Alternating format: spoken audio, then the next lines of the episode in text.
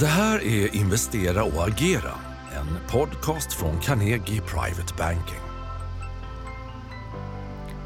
Hej och välkommen! Det är torsdag den 11 juni och klockan är 14.30 och du lyssnar på mig Carl Hedberg från Carnegie Private Bankings aktiemäkleri.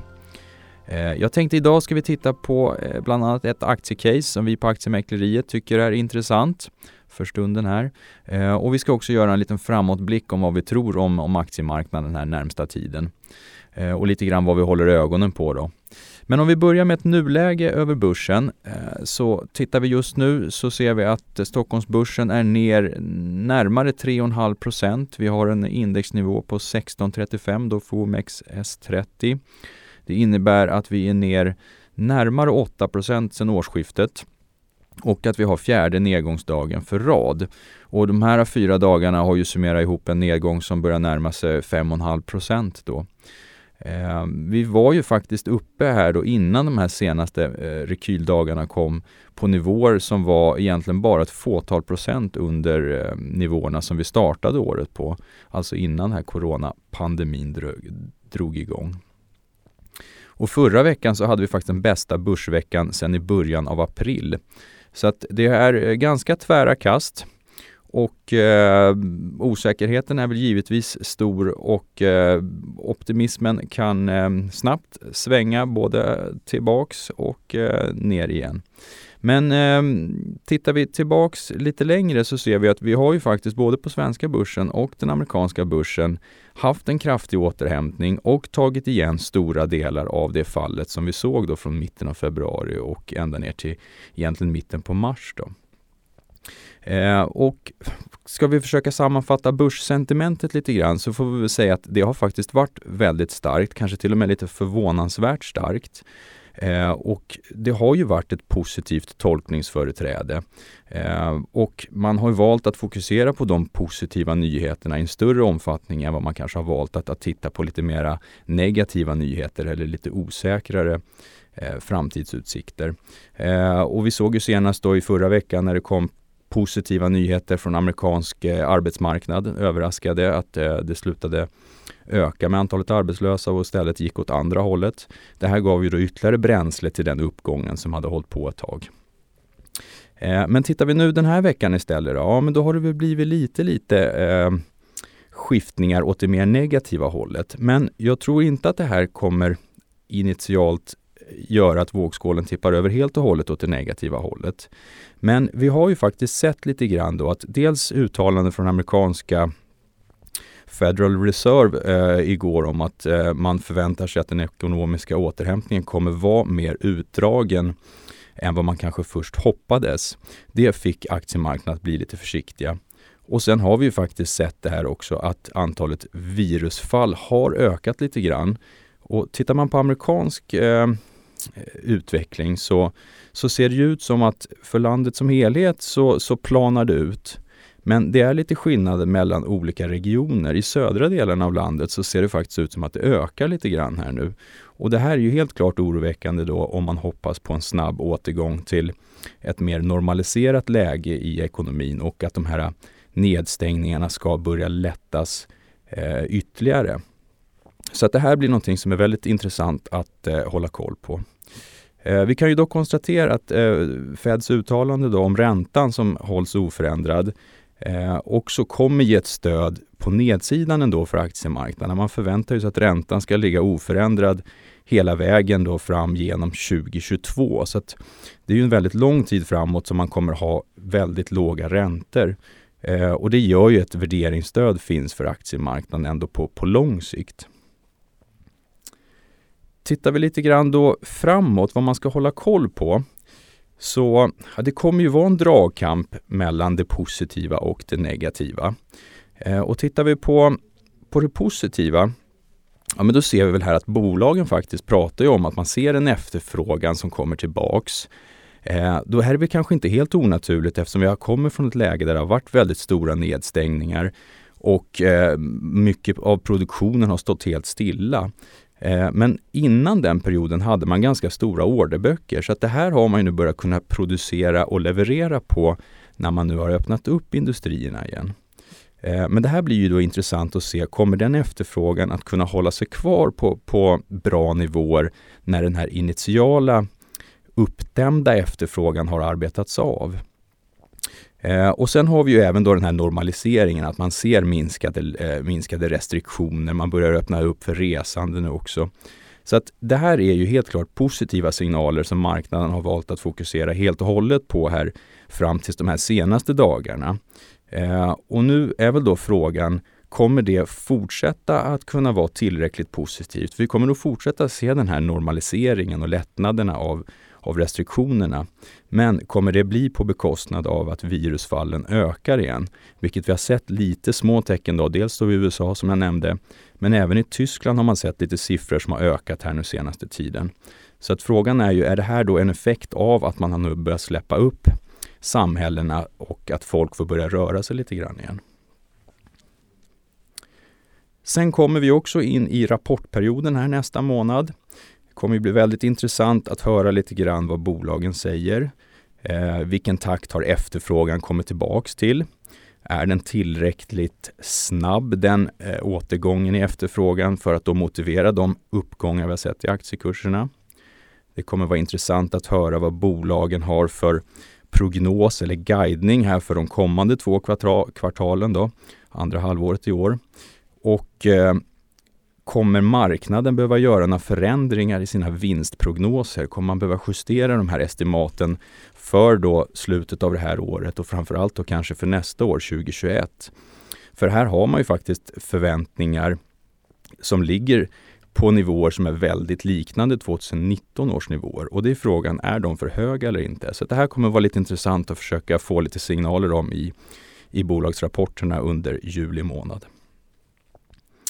Och tittar vi då lite mer så här, teknisk analys som eh, kan vara intressant för att försöka fånga ja, psykologin i marknaden. Ja, men då tittar vi lite grann och ser att vi nu har ju faktiskt för svensk del passerat ner under eh, en nivå så kallad 200 dagars glidande medeltal som var ett motstånd på vägen upp som vi bröt igenom.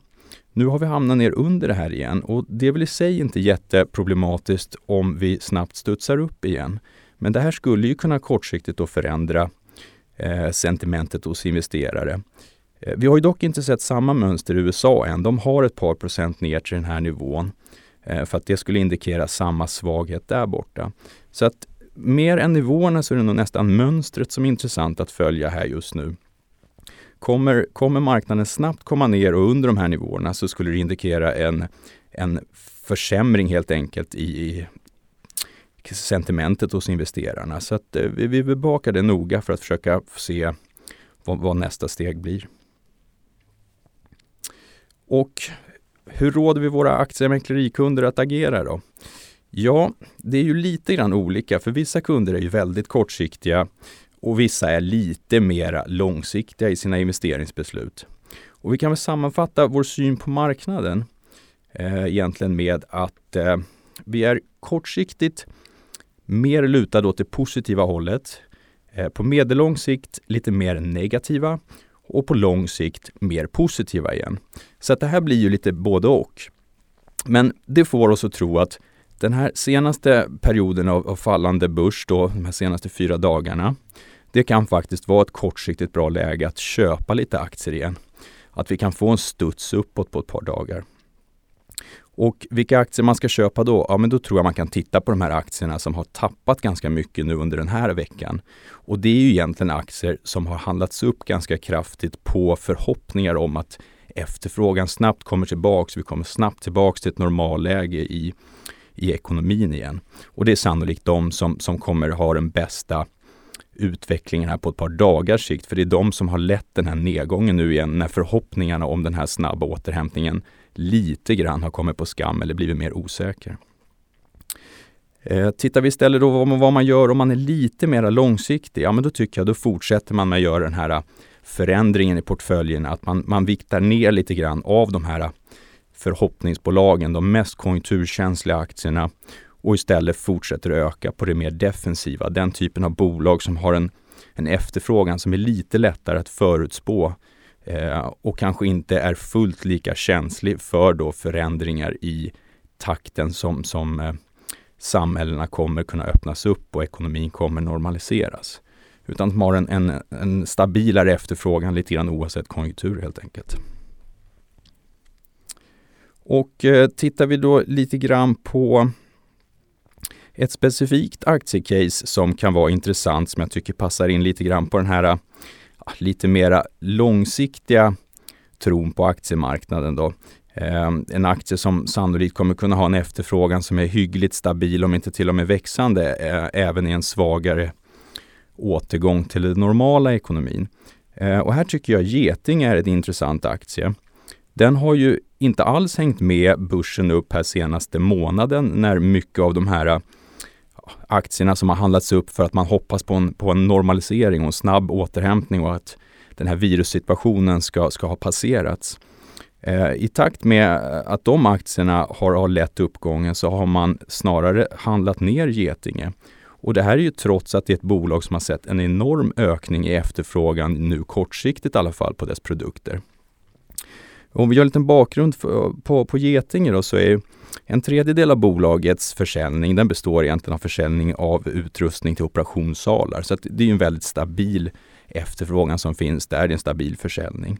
Två tredjedelar av bolaget eh, säljer utrustning för, för akutsjukvård. Och här är alltså den typen av utrustning som används på, på intensivvården. Och här är ju respiratorer den, den stora produkten som, som man säljer och här har man sett en enorm ökning av efterfrågan. Och då finns det väl givetvis en risk att den här efterfrågeökningen är tillfällig. Men vi tror inte riktigt att det är så, utan vi tror att den här pandemin har satt lite grann fingret på att man inser att man har en alldeles för låg kapacitet. Man behöver bygga upp en stor reservkapacitet när det gäller intensivvård. Så att vi tror att den här efterfrågeökningen faktiskt kommer att hålla i sig eh, betydligt längre än bara den här eh, närmsta perioden, ett antal kvartal framöver, utan att den snarare är ett par år framöver. Så att det här tror vi då kan bidra till, till den positiva utvecklingen för Getingaktien. Tidigare har vi haft en, en positiv syn på bolaget för att vi tror att man ska kunna lyfta lönsamheten och öka vinsten då på och egentligen hålla försäljningssumman ganska oförändrad. Men nu ser vi att nu ökar ju efterfrågan också så att dels kan man lyfta lönsamheten och sen göra det till en högre försäljning. Ja, men då finns det egentligen två positiva faktorer som talar för det här aktiecaset. Så att eh, efterfrågesituationen ser riktigt bra ut här för, för närmsta året. Och har vi då dessutom stöd av den tekniska analysen när den här aktien har kommit ner till nivåer där vi tycker den här ser ut för att en liten vändning uppåt igen. Här nere har den vänt tidigare. Och lägger vi då dessutom till det här mönstret att vi ser att man kanske nu börjar bli lite mer försiktig till de här aktierna som man hoppas ska komma tillbaks bra eh, när det gäller efterfrågan. Eh, men att osäkerheten ökar, ja men då kanske man hellre väljer att börja titta på de här där det finns en större tillförlitlighet i efterfrågan. Så att där tycker vi Getinge passar in riktigt bra faktiskt. Så det här aktiecaset eh, är en sammanfattning av Carnegies analys som publicerades för Carnegies kunder den 23 april. Mer information om aktien finns länkat i beskrivningen till den här podden och historik och underlag kan du få genom att mejla mar-information carnegie.se. Tack för att du har lyssnat! Vill du veta vilka aktier och investeringar vi tror på? Du som ännu inte är kund kan beställa en provportfölj på carnegie.se privatebanking så sätter vi ihop en rekommenderad portfölj för dig.